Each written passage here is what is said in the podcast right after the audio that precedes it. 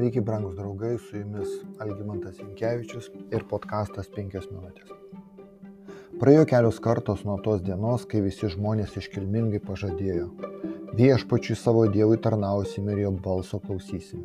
Jozus 24 skyrius. Per šį laiką palaipsniui izraelitai paliko viešpatį arba bent jau ėmė žiūrėti į Abraomo, Izaoko ir Jokūbo dievą kaip į vieną iš daugelio kananiečių dievų. Savotiškas religinis pluralizmas. Kai kurie pasakys, kad religinis liberalizmas. Toks požiūris į viešpatį ir jo įstatymą sukėlė natūralų Dievo pyktį prie žmonės. Iš tikrųjų, šį Dievo atsaką Izraelio atsimetimą nuo savo Dievo viešpats numatė dar Mozės laikais pakartoto įstatymo 28 skyriuje yra užrašyta. Bet jei neklausysi viešpatė savo Dievo balso ir ištikimai nevykdysi visų jo įsakymų ir įstatų, viešpats privers tave bėgti nuo savo priešų, išžygiuosi prieš juos vienu keliu, bet bėgsi nuo jų septyniais keliais, tapsi pasibjaurėjimo visom žemės karalystėms. Taip ir atsitiko. Teisėjų šeštame skyriuje nuo pirmos eilutės parašyta. Izraelitai darė, kas nedora viešpatės akise ir viešpats atidavė juos septyneriems metams į Midijano rankas. Midijano ranka Izraeliai buvo sunkiai. Izraelitai kalnuoluose pasidarė tvirtovių ir slėptuvių nuo Midijano. Mat Izraelitams pasėjus sėklą, Midijaniečiai, Malakiečiai bei kiti rytų gyventojai pakildavo prieš juos. Jie statydavosi stovyklas prieš Izraelitus ir nuniokodavo krašto derlių iki pat gazos apylinkių nepalikdami Izraelyje jokio maisto, nei avies, nei jaučio, nei asilo. Mat jie keliaudavo su bandomis ir net palapinėmis tarsi gausus skirių spiečiai, suskaityti juos ar jų kupranugarius nebuvo įmanoma. Atėję jie nuniokodavo kraštą, tad per Midijaną Izraelis buvo labai didelėme skurde ir Izraelitai šaukėsi viešpaties. Septyneri bado ir pažeminimo metai priešų rankose paskatino kai kurios izraelitus pradėti galvoti apie savo padėties priežastis. Vienas iš šių izraelitų buvo iš Manaso ginties, arba atsiprašau, giminės Gideonas. Viešpats pasirinko jį išgelbėti Izraelio žemę nuo plėšikų, nuo priešų. Pasietėjęs Dievo angelas rado jį kuliant kviečius netinkamiausioje tam vietoje - vynos postuvė, tai yra ten, kur midieniečiai tikrai neieškos nuimto derlius. Septyneri bado metai privertė izraelitus ieškoti išeičių iš pačių sunkiausių situacijų. Dievo angelas pasveikino Gideono žodžiais - viešpat su tavimi, narsus galiūnė.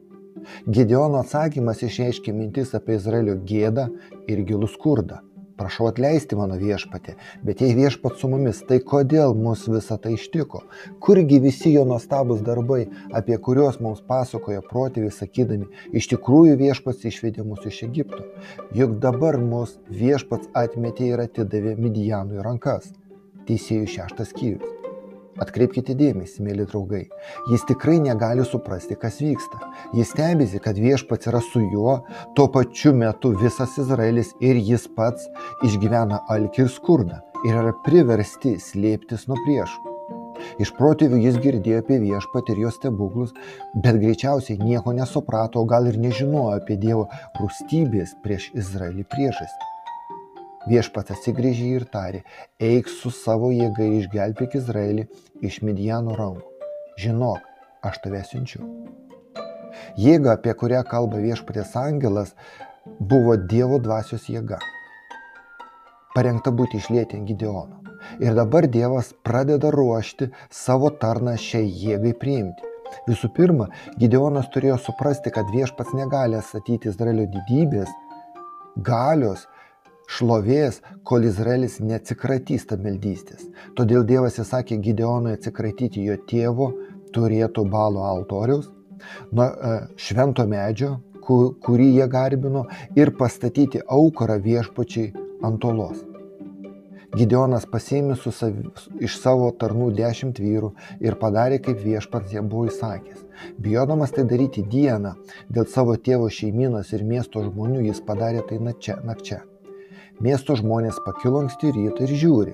Balo aukuras nugriautas, šventasis stulpas šalia jo nukirstas ir antrasis jautis paukotas ant naujai pastatyto aukuro.